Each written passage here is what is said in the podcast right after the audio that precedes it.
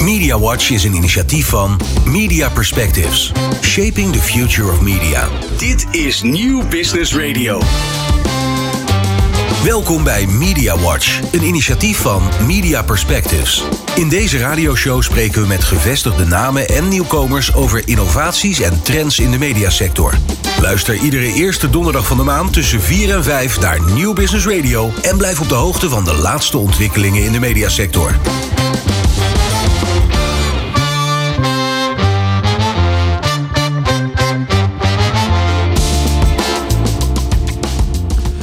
Leuk dat je luistert naar Media Watch, de maandelijkse radioshow en podcast van Media Perspectives over ontwikkelingen in de mediasector. Mijn naam is Bert Kok. Vandaag praat ik met Hans de Klerk, directeur van het Instituut voor Media van de Hogeschool Utrecht. Hans werkt als journalist, maker, creative, eindredacteur en manager bij omroepen als VARA en NTR en bij productiehuizen. In 2013 stapte hij over naar het onderwijs en werd hij directeur van de opleiding journalistiek aan de Hogeschool Windesheim in Zwolle. In 2014 werd hij benoemd tot directeur van het Instituut voor Media, waarvan de, hogeschool, oh, sorry, waarvan de School voor Journalistiek en de opleiding Communicatie, Multimedia en Design deel uitmaken. Hij geeft zelden of nooit interviews en ik ben dan ook blij dat hij gast is in Media Watch. Welkom Hans bij Media Watch. Dankjewel Bert. Uh, Hans, allereerst even een kleine disclaimer. Want uh, eigenlijk ben je ook voor een deel mijn baas. Hè? En, uh, dat klopt Bert. Dus heel goed nadenken wat je me gaat vragen. Ja, ja. nou goed. ik zit hier in mijn rol als, als, als zelfstandige en mediaperspectief. Dus ik probeer het een beetje objectief te houden. Hans, je bent hier in de studio op het Mediapark. En ik begrijp dat er inmiddels flinke vorderingen zijn gemaakt als het gaat om de ontwikkeling van het Mediapark tot een echte campus. En bij het woord campus moet jij natuurlijk toch wel aanslaan, of niet? In de zin van? In de zin van campus, onderwijs. Uh, ja, dat klopt. Uh, Hilversum Mediapark, Hilversum Media Campus, dat wordt één ding. En dat is eigenlijk een hele mooie metafoor voor ons onderwijs. Ik zit een jaar of zeven, acht bij de Hogeschool Utrecht. Wat we de afgelopen jaren gedaan hebben, zowel met ons design als journalistiek onderwijs, is onderwijs wat niet meer lijkt op onderwijs. Niet meer een man of vrouw die met een PowerPoint die arme studenten staat te vertellen wat ze moeten doen. Maar studenten gaan, zeker bij de school van journalistiek, al vanaf het eerste jaar volop aan de bak in de mhm. lokale en regionale journalistiek. Dus ik ben een groot voorstander om die muren van scholen te slechten. En dat praktijk en onderwijs veel meer door elkaar lopen. Niet alleen maar het MBO en het HBO, uh, bacheloronderwijs, maar ook met ons masteronderwijs zijn wij hier op het Mediapark volop aanwezig. Mm het, uh, studenten lopen hier natuurlijk al eh, echt rond. Hè? En echte fysieke aanwezigheid is er nog eigenlijk niet. Hè? Ik bedoel in de zin van een, een, een plek, een fysieke plek. Nee, dat, dat, ligt eraan hoe je het bekijkt. Ik denk dat je twee niveaus heel erg van elkaar moet onderscheiden. Als ik zeg maar bij mijn oud-collega's van de VAR of de NTR langs loop, nou, dan loop ik de hele tijd te groeten. Want dan kom ik heel veel studenten tegen. Er lopen hier tientallen stagiaires vanuit journalistiek en design rond. We hebben allerlei projecten af afstudeerprojecten waarbij studenten aan de slag gaan met product owners, opdrachtgevers uit de beroepspraktijk. Dus fysiek zijn we aanwezig. Maar waar we een hele mooie stap met elkaar gaan maken, is met werkplaatsen en labs. Studenten, uh, uh, maar ook onderzoekers, die werken aan kennisontwikkeling, talentontwikkeling, maar die mhm. ook werken aan innovaties, transitie. En die samenwerken met de echte mensen uit het werkveld en aan de hand van echte vraagstukken nieuwe stappen gaan maken. Want het gaat heel hard in de journalistiek en in de wereld van media design. Ja, dan uh, druk je je voorzichtig uit, denk ik, eh, als je zegt dat het hard gaat. Wat vind je eigenlijk van überhaupt die hele campusontwikkeling hier op het Mediapark? En wat gaan jullie eigenlijk vanuit de Hogeschool Utrecht concreet doen hier? We gaan verschillende dingen doen. Wat we blijven doen is vanuit Utrecht uh, werken. Studenten die daar aan projecten werken. Studenten die daar hun onderwijs uh, krijgen. Maar heel veel van die projecten, dat zijn niet verbazen, die vinden binnen de creatieve industrie plaats. En als je nou een van de hotspots hebt van de creatieve industrie in Nederland, dan is dat Hilversum. Een mooie stap die we na de zomer gaan maken is met werkplaatsen, labs Waar studenten, en niet alleen maar mijn studenten, niet alleen maar de bachelor- en masterstudenten journalistiek en design, maar ook met MBO-studenten en hopelijk ook met WO-studenten en mhm. onderzoekers aan de slag gaan om nieuwe stappen te maken met kennisontwikkeling, met talentontwikkeling en ook met nieuwe innovaties. Ja, want dat is wel een dingetje. Hè? Uh, nou ja, het Media College Hilversum, of eh, sorry, het MBO College Hilversum, dat zit hier natuurlijk al met vrij prominent met duizend studenten. Ja. Ehm, en natuurlijk heeft het, de Hogeschool van Amsterdam heeft hier een betrekkelijke plek. Nou ja, jullie zitten hier natuurlijk ook al met studenten, stagiairs en dergelijke. maar toch een, een, forse aanwezigheid van het HBO. En dan hebben we het nog ineens over de universiteiten. Dat, dat zou natuurlijk wel een prachtige aanvulling zijn hier. Ja, nou ja, daar zijn we eigenlijk al mee bezig. We zijn met de collega's van de Universiteit Utrecht bezig met een AI Media Lab, waar ook allerlei werkveldpartners bij betrokken zijn. Dat gebeurt nu deels nog vanuit Utrecht, maar daar willen we ook kijken om een deel van die activiteiten toch ook hieronder uh, te brengen. Nou, noem eens wat concreets dan. Wat, uh, wat, waar hebben we het dan over? Nou ja, we hebben het bijvoorbeeld over grote onderzoeksprojecten waar lectoraten, hoogleraren bij betrokken zijn en waarbij de studenten ook hier gaan werken. Maar we hebben ook bijvoorbeeld de NGF-aanvraag, C-Triple-IC, op het gebied van immersive content. Ja. Nou, het is een nationale groeifonds, hè? Nationale groeifonds. Die hebben 200 miljoen gekregen. Dat is een mooi bedrag. Ja, daar kun je natuurlijk wel leuke dingen van doen. Ja, maar eh, het is niet dat ik uh, een nieuwe keuken ga kopen voor dat bedrag. Dat bedrag is natuurlijk in eerste instantie voor de sector zelf. Maar de sector heeft ook uh, gezegd, het gaat niet alleen maar om kennisontwikkeling en innovaties. Waar we ook naar moeten kijken, is nieuw talent met de juiste competenties. En het tweede belangrijk deel, we hebben in Utrecht nog steeds een hele mooie demografie. Ik met mijn instituut, wij groeien mm -hmm. nog steeds. 2400 studenten, gaat erg goed. Maar wat ook belangrijk wordt, is dat die demografie, die begint op te drogen. En waar je echt in moet investeren, is de professionals die al aan de slag uh, zijn. En dat je helpt om die uh, uh, overeind te blijven in die razendsnelle ontwikkelingen. Nou, het zou me verbazen als we het niet over AI gaan krijgen. Hmm. Nou, daar zijn wij ook mee bezig. Ja. Kan je dat eens uitleggen wat je bedoelt met de demografie gaat opdrogen? Nou ja, uh, uh, het aantal jongeren, uh, je kunt op je kop staan, neemt af. Dat is mm. één aspect. Twee, je ziet ook bij mooie bedrijven als Media Monks, ja, die moeten hard hun best doen om die nieuwe talentinstroom op gang te houden. Ja. Nou, op een gegeven moment kun je ze ook niet meer uit het buitenland halen. Dus dan zul je ook goed in Nederland moeten kijken wat je doet. Ja, ja. Dat, dat maakt het bijvoorbeeld zaken om ook bijvoorbeeld de mensen die je in huis hebt, om daar misschien ook wat zuiniger op te zijn? Van één kant wel. En dat betekent ook investeren in je mensen, in je medewerkers. Investeren in journalisten, in programmamakers, ja. in allerlei andere mensen die je tegenwoordig een employ hebben. Ja, dat heeft dan met een mooi woord leven lang leren, toch? Leven lang leren, leven lang ontwikkelen. En ja. dat hebben wij in allerlei soorten en varianten. Je hebt korte crash courses op het gebied van AI, die we voor de Nederlandse AI-coalitie gemaakt hebben voor media professionals. Maar je hebt ook langer lopende trajecten, bijvoorbeeld met de NPO. We hebben een prachtige wasstraten gebouwd van ongeveer drie kwart jaar, waarin multicultureel talent op het gebied van journalistiek geholpen wordt om nog net iets meer aan hun competenties te doen. Dat zijn mensen die al volop werken bij uh, omroepen. Nou, ook daar werken we heel graag aan ja. mee. Ja, over die diversiteit gaan we het later nog hebben. Top. Um, wat heeft het onderwijs, hoger onderwijs eigenlijk de bedrijven hier op het Mediapark te bieden? En misschien nog iets één stap breder. Wat, heb, wat hebben jullie eigenlijk de mediasector in zijn breedheid te, te bieden? Nou ja, dat, dat, dat zijn eigenlijk toch wel drie, vier dingen. Het eerste is natuurlijk kennisontwikkeling, uh, lectoraten, uh, onderzoeksgroepen die op het gebied van nieuwe technologieën allerlei onderzoek doen. Pure kennis, maar ook vanuit het HBO toegepaste kennis, innovaties. Dat is een ding, kennisontwikkeling. Tweede ding is talentontwikkeling. Nieuw talent met de juiste competenties. Dus we hebben zeker bij de school van journalistiek de afgelopen jaren heel veel uh, energie gestoken in competenties op het gebied van nieuwe sleuteltechnologieën. Een derde ding is dat ons onderwijs, dat noemen wij projectonderwijs. Dat is onderwijs waarbij studenten uh, echt aan de slag gaan met echte vraagstukken co-creatie. Dus ook in die zin hebben we met onderzoek, research en development capaciteit in de aanbieding. En willen we goed kijken hoe we kunnen bijdragen aan de behoeften van het werkveld. En een vierde ding uh, is natuurlijk leven lang ontwikkelen. Je noemt het zelf al. Mm -hmm. Investeren uh, in je mensen. Mensen helpen om naast het professionalisme wat ze al in huis hebben. Ook meer wegwijs te worden met die nieuwe technologieën. Ja, ja, want je, de, de ontwikkeling gaat natuurlijk zo snel. Denk maar eventjes aan generatieve AI. Wat er nu allemaal gaande is. Dat je eigenlijk, ja, als je ergens op een werkplek zit. Er is geen tijd om je daar ook in te verdiepen. Dan, dan ga je heel snel achterlopen. Hè? Dat is wel, wel een dingetje. Nou ja, dat is ook dat voordeel, dat voordeel van projectonderwijs. Hè? Dus dat onderwijs zich niet alleen maar binnen de vier muren van een school mm -hmm. afspeelt.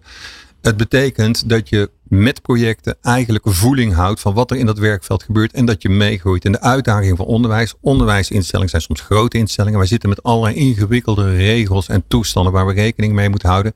En wij moeten wendbaarder worden, wij moeten flexibeler worden, wij moeten sneller inspringen op die arbeidsmarkt en die technologische behoeften van het werkveld.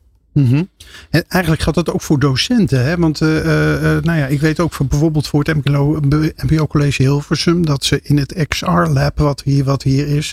Dat daar ook docenten uh, eigenlijk ook een leertraject volgen. Ja, dus dat is een hele mooie ontwikkeling. Ja. En dat is het voordeel van projectonderwijs. Is dat docenten die bij ons trouwens eigenlijk allemaal uit het werkveld komen. En ook docenten die, nou kijk naar jezelf, maar ook naar collega's.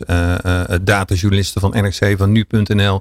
Die één dag per week bij ons werken. En dat lijkt niet veel, maar dat heeft als voordeel dus dat die mensen vier dagen per week aan het knallen zijn in de praktijk. Ja. En dat die die ervaring weer inbrengen in ons onderwijs. Ja.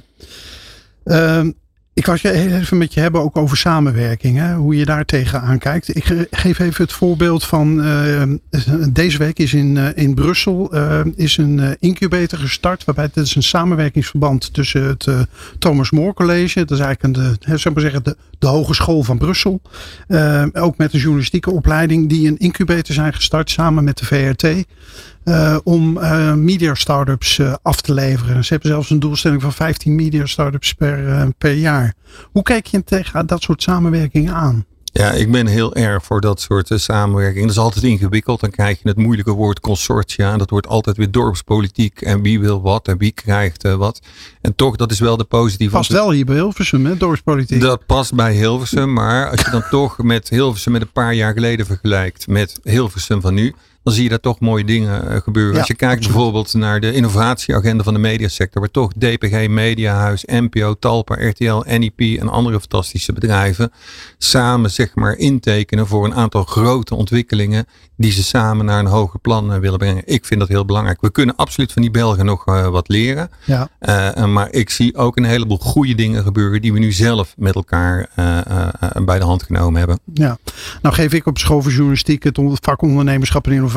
Dus ik sta te juichen bij dit soort ontwikkelingen natuurlijk. Maar is dat wel iets wat jij ook ja, weer meer wil stimuleren, zou ik maar zeggen? Het ondernemerschap binnen de school en binnen het instituut? Nee, nou absoluut. En dat, dat is kijk de afgelopen acht jaar dat ik eh, bij de Hogeschool Utrecht zit.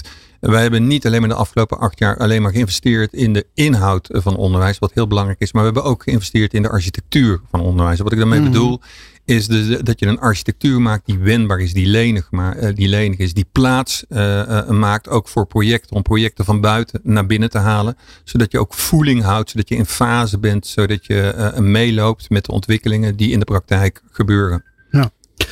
MediaWatch is eh, zo weer terug. Dit is MediaWatch met Bert Kok.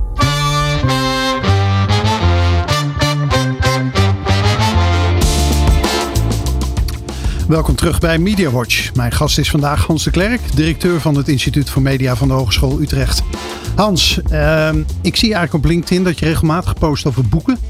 Uh, ik vraag me wel zelfs af, uh, waar had die man de tijd van om zoveel boeken te lezen? Of je moet ongelooflijk snel uh, lezen. Maar ben jij zo'n fanatieke lezer eigenlijk? Ik ben een fanatieke lezer en ik lees inderdaad best snel. Maar ik heb nog een andere hobby en dat is dat ik heel weinig slaap. Het nadeel van weinig slapen is dat je niet zo oud wordt. Maar het voordeel van weinig slapen is dat je meer uit je tijd kunt halen. Dus langer wakker bent en dingen kunt doen. Bijvoorbeeld boeken lezen. Ja, want was het, je, je slaapt weinig. Wat betekent dat? dat je, hoe, hoe laat sta jij op dan? Nou, ik slaap een uur of vier. Oké.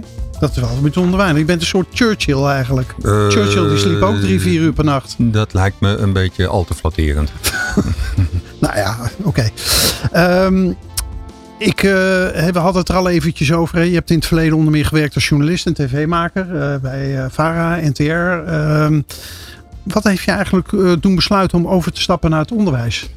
Ja, ik ben ook zo stom geweest. Om, nou ja, trouwens, deels die overstap, die stap te maken. Maar ik vroeg me af waarom nou ja, Kijk, laten we eerlijk zijn. Dingen maken, uh, uh, mediaproducties maken is het allermooiste wat er is. Ik heb dat best lang gedaan. Vanuit mijn studententijd ben ik erin gerold. Ik heb dat heel lang gedaan. En ik heb op een gegeven moment wel het besluit genomen. Op een gegeven moment ben je hoofdredacteur. En dan ben je meer bezig met de dorpspolitiek in Hilversum. En ik was daar op een gegeven moment wel klaar mee.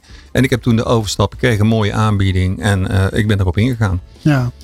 Maar nu zit je natuurlijk uh, bij de Hogeschool Utrecht. Uh, daar heb je natuurlijk ook wel met politiek te maken.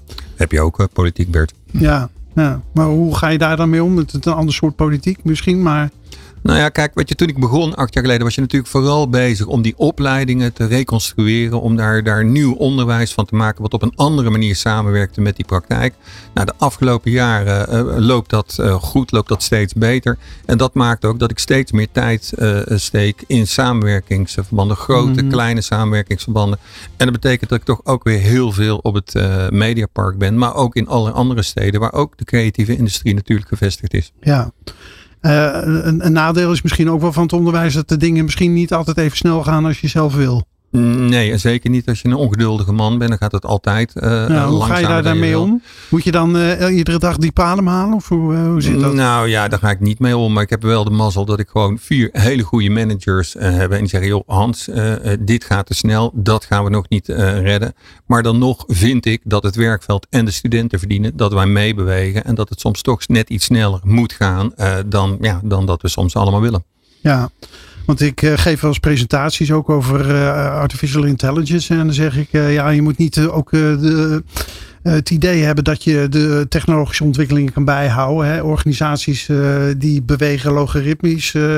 en de, de technologische ontwikkeling dat gaat exponentieel. Um, maar ja, dat betekent dat je hele scherpe keuzes soms moet maken. Ja, dat ga je nooit in één keer redden. En die scherpe keuze kun je nooit in één keer maken. Maar daar heb ik uh, de mazzel. Ik heb een aantal hele goede mensen binnen de opleidingen werken. En we hebben natuurlijk ook hele mooie lectoraten. Het uh, lectoraat van Jaël op het gebied van kwaliteitsjournalistiek en digitaal. Ja. Jaël de Haan. Dus ik werk heel veel uh, ook met onderzoek samen. En wat wij doen is goed vooruitkijken. En wij hebben eigenlijk al een jaar of zeven, acht eh, geleden zitten kijken naar wat er gebeurt op het gebied van data. Mm-hmm. En wij zijn bijvoorbeeld ook bij de School of Journalistiek, hè, wat toch over het algemeen alfa en gamma georiënteerde studenten zijn. Ja. Wij zijn daar toch ook uh, aan de slag gegaan met data. En daar gaan wij mee door. En op een gegeven moment gaat data over in AI. En dat zijn dingen uh, waar je stapsgewijs eigenlijk op kunt anticiperen. En waarbij je op een gegeven moment ook sprongen kunt maken. Dus een aantal jaren geleden hebben we vanuit ons mediadesign een masteropleiding eh, gestart. Ja. Data-driven design. Eigenlijk ook weer met heel veel partijen hier op het eh, Mediapark. En dat betekent dat we sinds uh, een jaar of drie, vier uh, eigenlijk mediadesigners opleiden. Die de brug kunnen slaan tussen creatief mediaontwerp. Maar ook keiharde data science. En die die uh, twee dingen weten te combineren. Mm -hmm. We hadden het al even over je overstap naar het onderwijs. Kan jij nou wat bepalende momenten noemen in je carrière eigenlijk? Jezus Bert. Ja, goeie, vraag. Nou ja, ik, ik, ik heb hier heel lang op het Mediapark rondgelopen. En ik, heb, ik durf te zeggen, uh, nou, niet alles, maar wel heel veel gedaan. En dan letterlijk van, van nou ja, uh, blokfluitcursussen tot documentaires met Adriaan van Dis.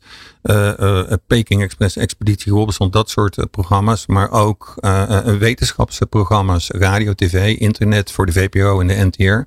En um, ik kan niet zeggen dat er één moment is, maar wat, wat ik altijd heel fijn vond, is heel veel dingen doen, op heel veel plekken leren. En het mooie van, zeker studenten van de school van wat ik zie, is dat dat, dat zijn geen one-trick ponies meer. Dat zijn studenten die het ene moment bij de VPRO zitten, het andere moment bij nu.nl en op weer een ander uh, uh, moment aan de slag gaan bij weer een andere partij.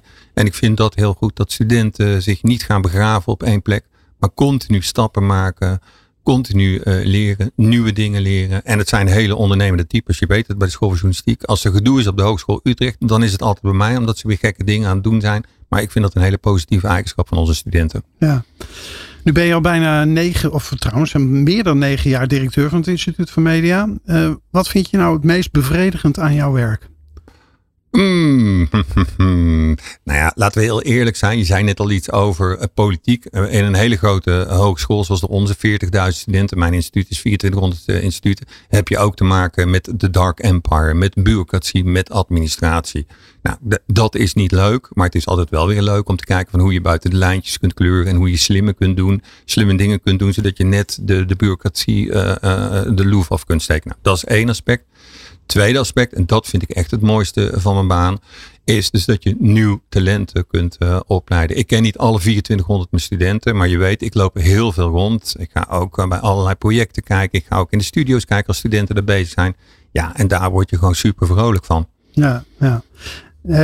Je zei net al, 40.000 studenten. Als ik het goed zeg, 4.000 medewerkers op de Hogeschool Utrecht. Is dat, is dat, ik, bedoel, ik, vind, het zelf nog steeds een beetje moeilijk te bevatten. Is dat niet een beetje te, te groot eigenlijk? Dat, dat is heel groot, maar je moet kijken hoe je het organiseert. En als je kijkt naar ons instituut, 2400 studenten, 200 docenten, medewerkers. Dat is al kleiner.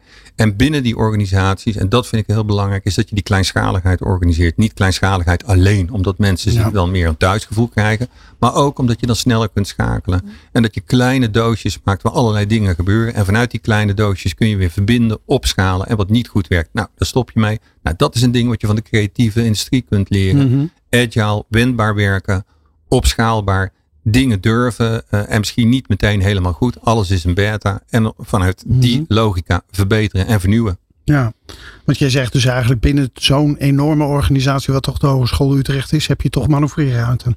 Tuurlijk heb je manoeuvreerruimte. Je moet alleen een beetje creatief zijn. Je moet af en toe semantiek maken. Je moet af en toe eh, dingen durven doen die misschien niet helemaal de bedoeling waren. Maar dan kun je daarna altijd je excuses aanbieden. Bied je vaak je excuses aan dan? Nee, want ik vind dat wij, en dat is uh, niet omdat hij heeft mee zou luisteren, maar ik heb een heel goed college van bestuur en die ook snappen dat juist die, dat hoger onderwijs, universiteit en HBO veel sneller moeten bewegen. En die ook heel goed snappen dat je niet altijd binnen de bestaande structuur uh, uh, alles kunt doen. En dat die bestaande structuren geen fossielen moeten zijn, maar dat die mee moeten bewegen. Dat die muren van die hogescholen en die universiteiten, die moeten weg, die moeten veel volatieler zijn. Ja. Je krijgt een nieuwe baas, hè, trouwens, binnenkort. Ja. Ja, Jan Bogert gaat uh, weg. Jan Bogert gaat weg. Ik weet geen, ik, dat, heel erg, maar ik weet eigenlijk de naam niet van de opvolger. Wilma Scholten. Oké, heb je al kennis meegemaakt? Ja, die ken ik heel goed. Oh, die ken je heel goed. Oké, dat, gaat, uh, dat gaat goed. Dat gaat helemaal goed komen. Oké, mooi. Um, nou, uh, maar ik vroeg me eigenlijk af in die negen jaar dat je nu op de school zit. Hè, heb je jouw stempel eigenlijk op het Instituut voor Media kunnen zetten? En zo ja, hoe ziet die stempel er dan uit? De stempel van Hans uh, de Klerk. Nou ja, het gaat er niet om dat het mijn uh, stempel is. Het gaat er nou ja, je hebt toch wel een visie, neem ik aan. Ik heb een visie en dat is veel belangrijker. Maar het gaat er ook niet om dat het mijn visie is. Maar het gaat erom dat er een visie is die, die, twee, die aan twee dingen recht doet. En dat is één, aan de behoeften uh, van de arbeidsmarkt. De behoeften van mediaorganisaties. En anderzijds aan de ambities van studenten. Die twee dingen, die zitten heel erg in wat wij doen met het onderwijs. Nou, als je het over de visie hebt, van buiten naar binnen denken. Niet van binnen naar buiten maar van buiten naar binnen denken. Nou, dan zie je daar wel een aantal ontwikkelingen. Daar zetten we op in. En een van de meest dominante ontwikkelingen vind ik toch wel hoe snel de technologische ontwikkelingen gaan. En daar mhm. zit een uitdaging bij de media designers. Nou, dan zie je toch nog net iets meer aan de technologische kant. Maar bij journalisten, niet alleen maar in het onderwijs en niet alleen maar bij de docenten, maar ook in het werkveld zelf. Journalisten en technologie is soms best een uitdaging. Ja, nee, dat is een, eh, dat is een uitdaging. Andere uitdaging voor journalisten is misschien ook uh, de manier waarop ze tegen hun uh, publiek aankijken. Hè? je merkt nu ook dat daar is meer aandacht voor dan vroeger. en dat is misschien ook nodig, hè? want uit cijfers blijkt ook hè, dat het vertrouwen in de journalistiek en in nieuws, dat staat onder druk. Uh, een van de redenen is dat mensen vinden dat uh, ja, niet altijd het publiek dat er niet altijd goed naar geluisterd wordt. Hoe kijk je tegen dat uh, aspect aan? Nou ja, we, we, kennen allemaal het fenomeen van de kaart van afgehaakt Nederland. Er zijn grote groepen die zich niet gerepresenteerd voelen mm door de media. Nou, dat zijn bijvoorbeeld de mensen buiten de Randstad, maar dat zijn ook mensen met een andere niet-westerse achtergrond. Nou, dat vind ik absoluut een belangrijk ding waar wij ook aandacht aan besteden. Tweede ding is uh, waar mensen ook enig wantrouwen ontwikkeld hebben. Wat gebeurt er met mijn data uh, bijvoorbeeld? Dus we moeten ons heel goed bewust zijn van de maatschappelijke, ethische impact, gevolgen van mhm. technologie. Maar ik roep daar wel een derde ding bij. We moeten ook uitkijken dat we ons niet alleen maar focussen op die maatschappelijke en die ethische effecten. Kijk, als je neemt, neem bijvoorbeeld AI, je kunt dat zien als black witchcraft en oh oh, wat gebeurt er met mijn data. Maar ik zie in AI ook unieke mogelijkheden om bijvoorbeeld recht te doen aan al die mensen die zich nu niet gerepresenteerd uh, voelen. Mensen die we nu niet bereiken. Mensen die we nu niet kunnen verbinden. Met niet alleen mhm. maar mediapartijen, maar ook met elkaar. En ik uh, uh, zou heel graag daarop willen inzetten hoe dat we nog meer en beter immersive media, AI, data kunnen gaan inzetten om mensen beter te bereiken, om nog beter die publieke informatievoorziening en met name de journalistieke informatievoorziening over het voetlicht te brengen. Ja, we gaan zo meteen nog even door op, uh, op uh, AI. Blijf luisteren, we zijn zo weer terug met Media Watch. Dit is Media Watch met Bert Kok op Nieuw Business Radio.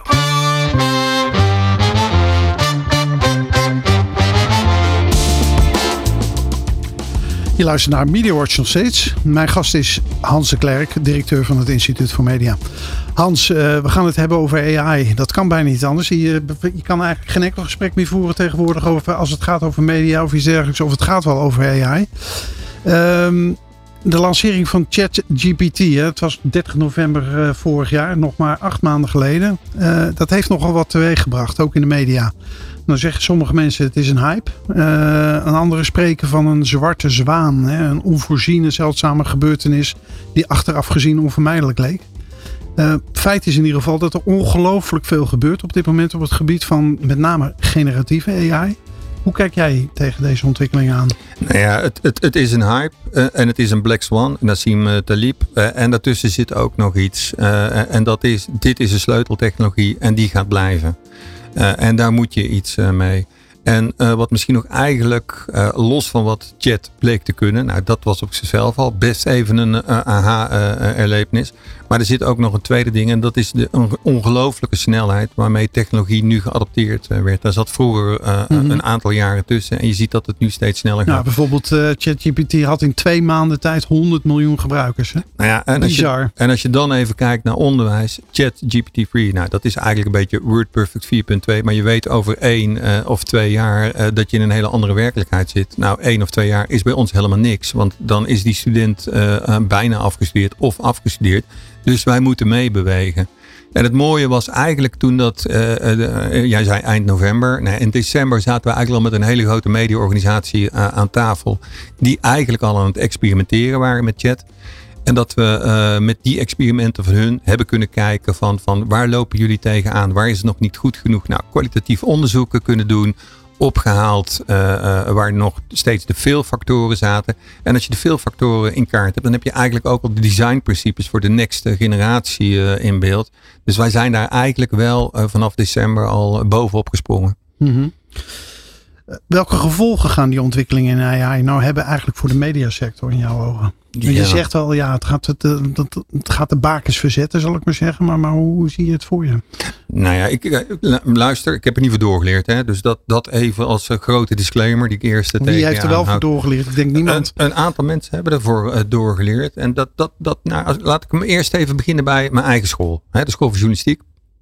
Wat we daar uh, eigenlijk al aan het doen waren, was al volop aan het kijken naar data. En hoe krijgen wij data meer in het designonderwijs? Nou, dat lukte best goed. Maar ook hoe krijgen we dat meer in het journalistiek onderwijs? Daar zijn we al een paar jaar mee bezig. Mm-hmm. We hebben een verkenningsteam gemaakt. We hebben een aantal mensen die we uit de praktijk uh, gehaald hebben. Uh, mensen die als datajournalist bij media werken. En een aantal andere kenners.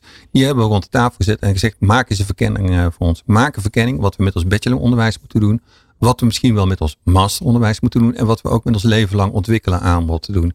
Die types die hebben in twee, drie maanden tijd een keurig, fantastisch, operationeel. Dat is ook nog een ding. Operationeel rapport opgeleverd. Daar zijn we nu op aan het schakelen betekent een aantal dingen die wij in ieder geval gaan doen. Volgend jaar wil ik heel graag een, een, een, een prompting, prompting als basisvaardigheid. Nou, hoe schrijf je een opdracht voor die chatbots bijvoorbeeld? Nou, dat, dat is een heel basic niveau, Bert. En dan hoef je nog niet eens als student journalistiek te weten hoe de AI-machine werkt. Maar dat je weet wat voor brandstof je erin moet stoppen om de goede content eruit te halen. Ja, want garbage in is garbage out, hè? Nou ja, dat, dat is al een hele mooie stap die je eigenlijk relatief snel kunt uh, toepassen. Tweede ding is dat we ook vanaf september 2024 willen we beginnen met de specialisatie rond data, AI en journalistiek. Die zat al langer in de pijp. Maar goed, daar gaan we nu wel uh, mee versnellen. We zijn ook aan het kijken naar masteronderwijs. We hebben al een master waarin we uh, design en uh, data aan elkaar gekoppeld hebben. En wij zijn nu aan het kijken hoe dat we vanaf september 2025 toch echt met een masteropleiding uh, kunnen beginnen. Waar studenten journalistiek, maar ook andere studenten die brug tussen data en journalistiek kunnen gaan slaan. Ja.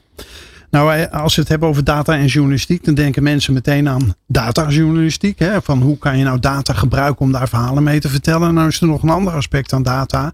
Dat is data over het hè, gebruiksgedrag, over het leesgedrag van mensen. Hè? Data over de content die journalisten maken.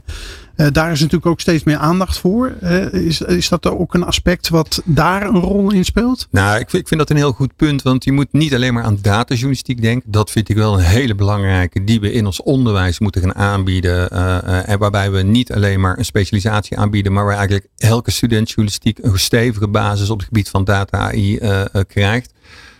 maar je moet ook inderdaad kijken naar de, de professionele context en de bedrijfsmatige context van de journalistiek. Mhm. En ook die wordt data-driven. Uh, Beta-testen met koppen boven artikelen. Ja. nog beter je publiek kennen. Maar ook nieuwe manieren van research doen. Die niet noodzakelijkerwijs alleen maar datajournalistiek betreffen. Maar ook andere genres van journalistiek. Dus ik ben het helemaal met je eens. Datajournalistiek hè, als professie. Maar ook journalistiek in een datagedreven omgeving wordt steeds belangrijk. Met er altijd bij de disclaimer, het moet ethisch en maatschappelijk verantwoord zijn. Maar journalistiek is geen hobby. Journalistiek is een bedrijfstak waar je geld verdient.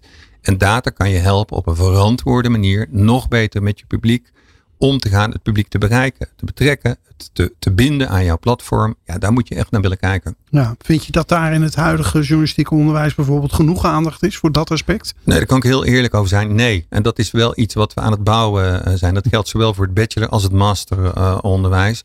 Ik denk wel met de vier bacheloropleidingen, uh, de collega's in Tilburg, Zwolle en Ede. Mhm. We zijn eigenlijk al een maand of twee, drie geleden met alle directies bij elkaar gaan zitten. En daar zijn we wel stappen aan het maken. De, de onderzoeksgroepen, de lectoraten vanuit Tilburg en vanuit Utrecht. Die hebben een heel mooi uh, platform zijn die aan het opzetten. Een platform waarbij kennis en vaardigheden op het gebied van AI in kaart gebracht worden voor de journalistiek. Ja. En waarbij je ook kijkt naar tooling. Wat voor tooling uh, is voor studenten bruikbaar? En wij hebben als vier opleidingen gezegd dat we werken heel goed samen.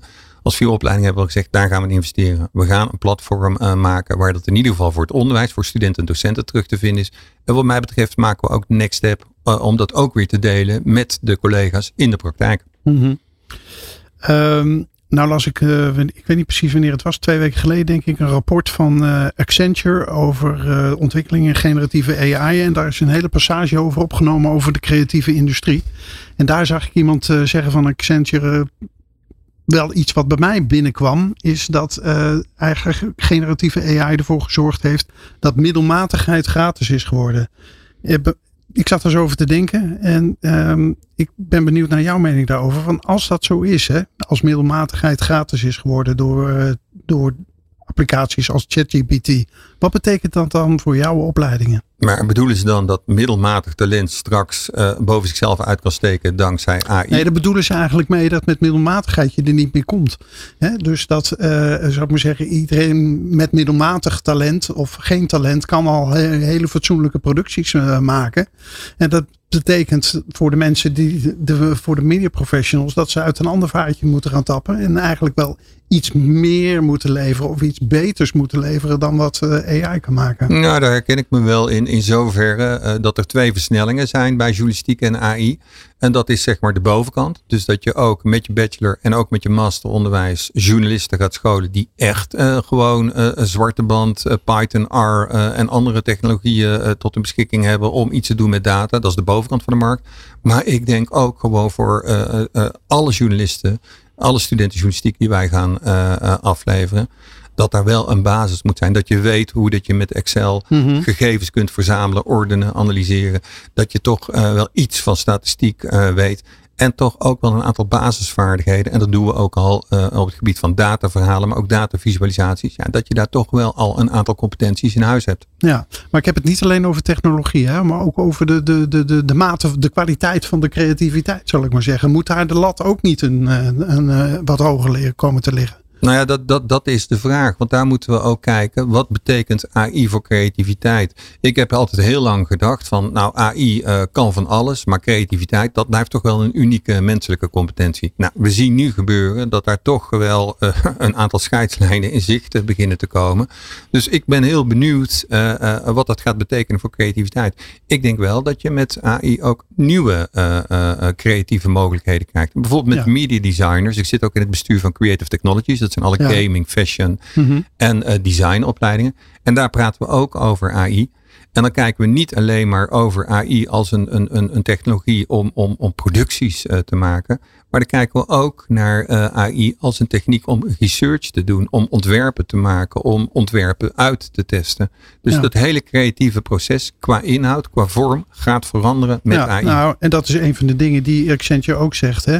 Het, het hele proces tussen de tijd tussen idee en executie, die is eigenlijk nul geworden. Ja. want je kan nu, vroeger had je allerlei tools nodig en moest eerst allerlei ingewikkelde design tools hebben. En nu kan je gewoon iets intikken en het wordt voor je gemaakt. En dat is dan de basis om door te ontwikkelen. Dat maakt het hele creatieve proces wel heel anders. Nou ja, en je ziet nu al, ik, ik sprak laatst iemand uh, die zeg maar voor de sector bezig is. Van hoe je het hele maakproces, het hele montageproces mhm. eigenlijk al met AI kunt automatiseren. Ja, ja. Media Watch is terug na deze break. In Media Watch op Nieuw Business Radio vertellen pioniers en gevestigde namen uit de mediasector over innovatie, technologie, nieuwe projecten en hun visie op de toekomst. Media Watch is een initiatief van Media Perspectives, Shaping the Future of Media. Ook te beluisteren als podcast.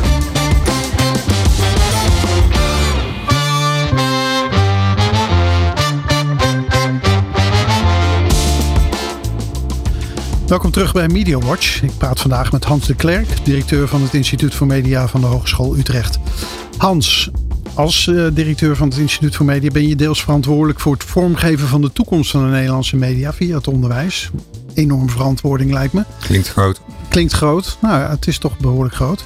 Wat zie jij nou als de grootste uitdagingen en kansen in het huidige medialandschap? Er is nogal wat gebeurd de afgelopen jaren en er staat ons ook het een en ander te wachten. Maar wat zie je daar?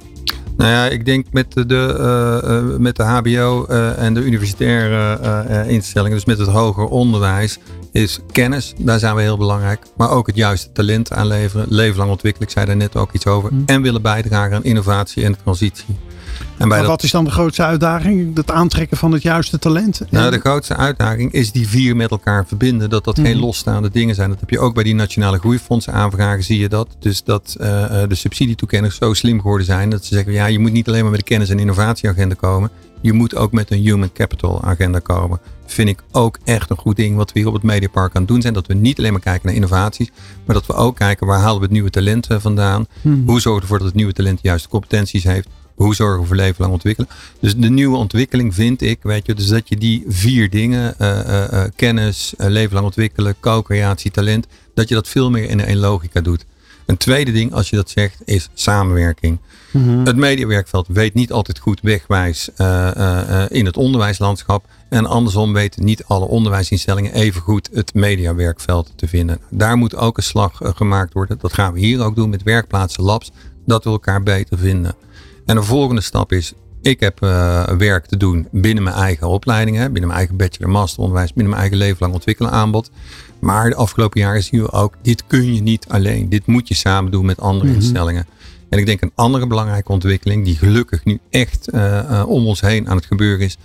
MBO, HBO, universiteiten, dat die elkaar steeds beter weten te vinden. En dat maakt wel dus dat we iets minder uit onze kolommen moeten, onze, uit onze aparte zuilen, als je het toch even aan Hilversum eh, koppelt.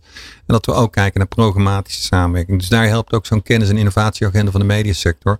Dit zijn de thema's waar we op inzetten. Mhm. Hoe gaan we als MBO, HBO, WO samen daar een rol in spelen? Ik vind dat een belangrijke ontwikkeling. Ja. Nou is de groeiende waardering hè, voor het MBO, hè? de minister van Onderwijs. Uh, en dat is toch wel, uh, ja, ik wou net zeggen, wat vind jij daarvan? Maar nou ja, even los van, van, van uh, het maatschappelijk belang van het MBO-onderwijs. En die is echt onwijs groot. Is er ook dat daar heel veel talent uh, zit. Als ik mhm. bijvoorbeeld kijk, zeker bij mijn mediadesign onderwijs. Nou, als je een student ziet stuiteren, heel hard zien gaan. En ook echt super ondernemend zijn. Dan zijn dat wel heel vaak uh, MBO'ers. Dus die aansluiting met MBO is heel belangrijk. Dat wil niet zeggen dat alle mbo's per se uh, naar het hbo of naar het wo moeten doorstromen. En je ziet, kijk hier op het Mediapark, ROC van Amsterdam, Mediacollege, die hier echt met een, een massief aantal talenten, nieuw uh, talent uh, aanwezig zijn. Die zijn heel belangrijk, ook op het gebied van de multiverse, maar ook op andere gebieden. Dat is heel belangrijk. Ja. Um, nou, we hebben het al een paar keer gehad over de aanpassingen van het onderwijs aan de ontwikkeling in de sector. Nou, nou, de digitale transformatie die heeft de hele mediawereld natuurlijk ontzettend veranderd. Nieuwe platformen, technologieën die constant opkomen, zoals generatieve AI. Hoe zorg je er nou voor dat het curriculum van die opleidingen up-to-date eh, eh, blijft met die veranderingen? En welke impact heeft dat dan op, uh, op jouw opleidingen? Nou ja, het, het, het gaat over inhoud van onderwijs, absoluut. Maar het gaat ook over de vorm van onderwijs, de architectuur van onderwijs. En dat is wel waar wij aan het kijken zijn. Hoe kunnen we veel sneller inspelen op veranderingen? Hoe kunnen we studenten meer ruimte geven om binnen projecten zichzelf te laten zien? Maar ook om de juiste competenties te ontwikkelen. Dus één, qua inhoud van onderwijs moet er nog van alles gebeuren, maar ook qua vorm. Een tweede ding, ook voor ons geldt, Human Capital agenda is heel erg belangrijk. Dus één, wij hechten er in Utrecht in ieder geval heel erg aan dat we veel mensen uit de praktijk hebben. En liefst ook mensen die nog in de praktijk werken en die zich mee uh, uh, blijven bewegen. Maar twee, dat we ook naar andere competenties, andere expertises kijken.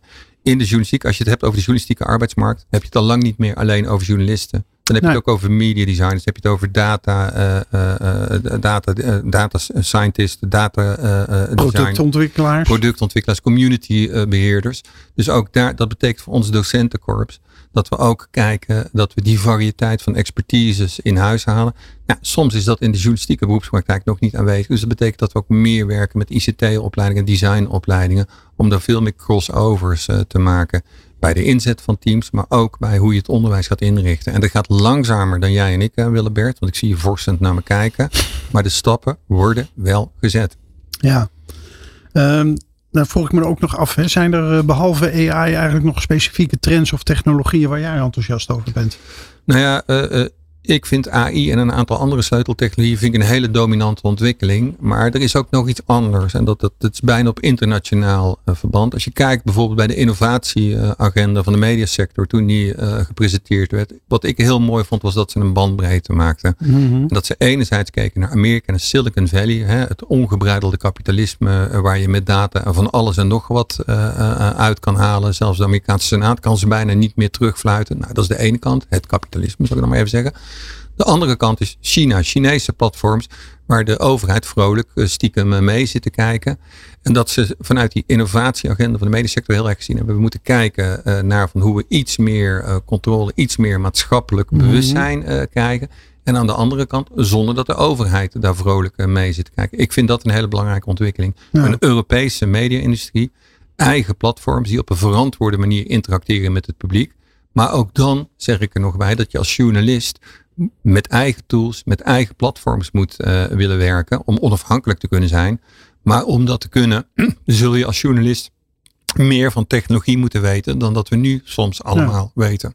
Er is nog een ander aspect. Hè? Ik las uh, uh, deze week een analyse over de achterstand die, die, Europa heeft opgelopen als het gaat over die ontwikkeling in generatieve AI en die chatbots. Hè? De technologie en kennis is eigenlijk best wel aanwezig in, in, in Europa.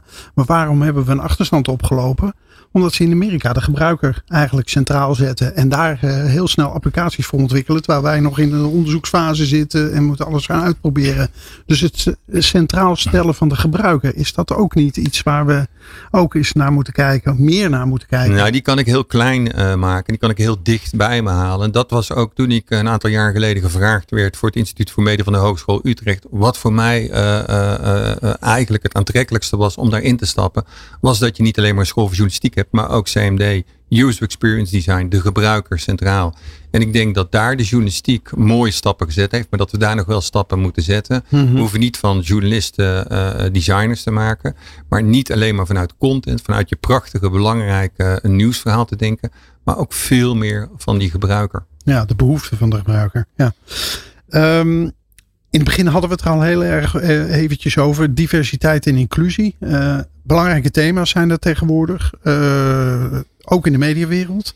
Wat doet jouw instituut om diversiteit en inclusie te bevorderen? Zowel in de opleidingen als in de bredere mediawereld. Ja, daar is een voorkant en een achterkant. Die voorkant, toen ik binnenkwam bij ons. Nou, ik denk bij de school van journalistiek dat we ongeveer 6, 7 procent studenten met een niet-westerse achtergrond hebben. Nou, 15 procent maatschappelijke afspiegeling, dat is veel te laag. Afgelopen jaar zie ik dat goed gaan. En we hebben de mazzel Hoe natuurlijk. Hoe is dat percentage nu? Uh, dat zit op ongeveer 12 procent. Dat is nog steeds geen 15 procent. Maar je ziet letterlijk en figuurlijk meer kleur in de gangen. Dus dat vind ik belangrijk. Tweede ding wat ik erbij zeg is diversiteit is niet alleen maar niet-westerse achtergrond. Is ook stad, platteland. Is conservatief, progressief. Is links, rechts. Nou, ook daar zie ik de, uh, de diversiteit uh, groter worden. Dat is aan de voorkant studentenpopulatie. Nou, daar zijn we stap aan het maken. Een tweede stap is de docentenpopulatie. Dat gaat iets langzamer, maar dat begint nu ook uh, te komen. En het derde ding is diversiteit in de inhoud van je onderwijs, maar ook in de toepassingen die je ontwikkelt. We hebben zelf net met Greenberry een, een, een, een masterclass georganiseerd, Inclusive Design. Dus waarbij je designers, maar ook andere media professionals helpt om veel inclusiever je, je media content, maar ook uh, media toepassingen vorm te geven, zodat je veel beter anticipeert op het verschil in gebruikers. Mhm. Ehm, we zijn een beetje aan het afronden. Oh. Ehm, wat is jouw boodschap die je wilt overbrengen eigenlijk aan de toekomstige media professionals? Wat zou je ze nou mee willen geven? Uh, nou ja, weet je, uh, terecht. Er is heel veel aandacht voor de ethische en maatschappelijke effecten van uh, data, AI en andere technologieën. Dat moet. Dat is hartstikke belangrijk. Maar ik denk dat er ook een grote uitdaging ligt, is hoe je in een werkveld, maar ook onderwijs, eh, zoals dat bij de school van journalistiek, wat toch wel gedomineerd wordt door mensen met een alfa en een gamma achtergrond, hoe dat we daar een slag maken, dat we er meer beta in krijgen. Meer statistiek, meer IT, meer data science. Dus dat we uh, uh, die journalist toch ook dichter bij technologie krijgen. En dat we die nog meer zich senang laten voelen. Om echt ook met technologie aan de slag te gaan. Niet omwille technologie voor technologie zeker. Maar technologie om nog beter je content te produceren. Nog beter je research te doen. Nog beter te interacteren met het publiek. En niet alleen maar om afgehaakt Nederland uh, bijvoorbeeld beter te bereiken, maar ook uh, nogmaals onbedrijfsmatig uh, de journalistiek in leven te houden. Ja. Ehm, we zijn eigenlijk aan het eind gekomen van deze editie van MediaWatch, Hans. mijn gast was Hans de Klerk, directeur van het Instituut voor Media van de Hogeschool Utrecht. Hans, bedankt voor je komst naar de studio. Graag gedaan. MediaWatch slaat even een maandje over. De volgende uitzending is op donderdag 7 september. Geniet van de zomer en tot dan. In Media Watch vertellen pioniers en gevestigde namen uit de mediasector over innovatie, technologie, nieuwe projecten en hun visie op de toekomst. Media Watch is een initiatief van Media Perspectives, Shaping the Future of Media.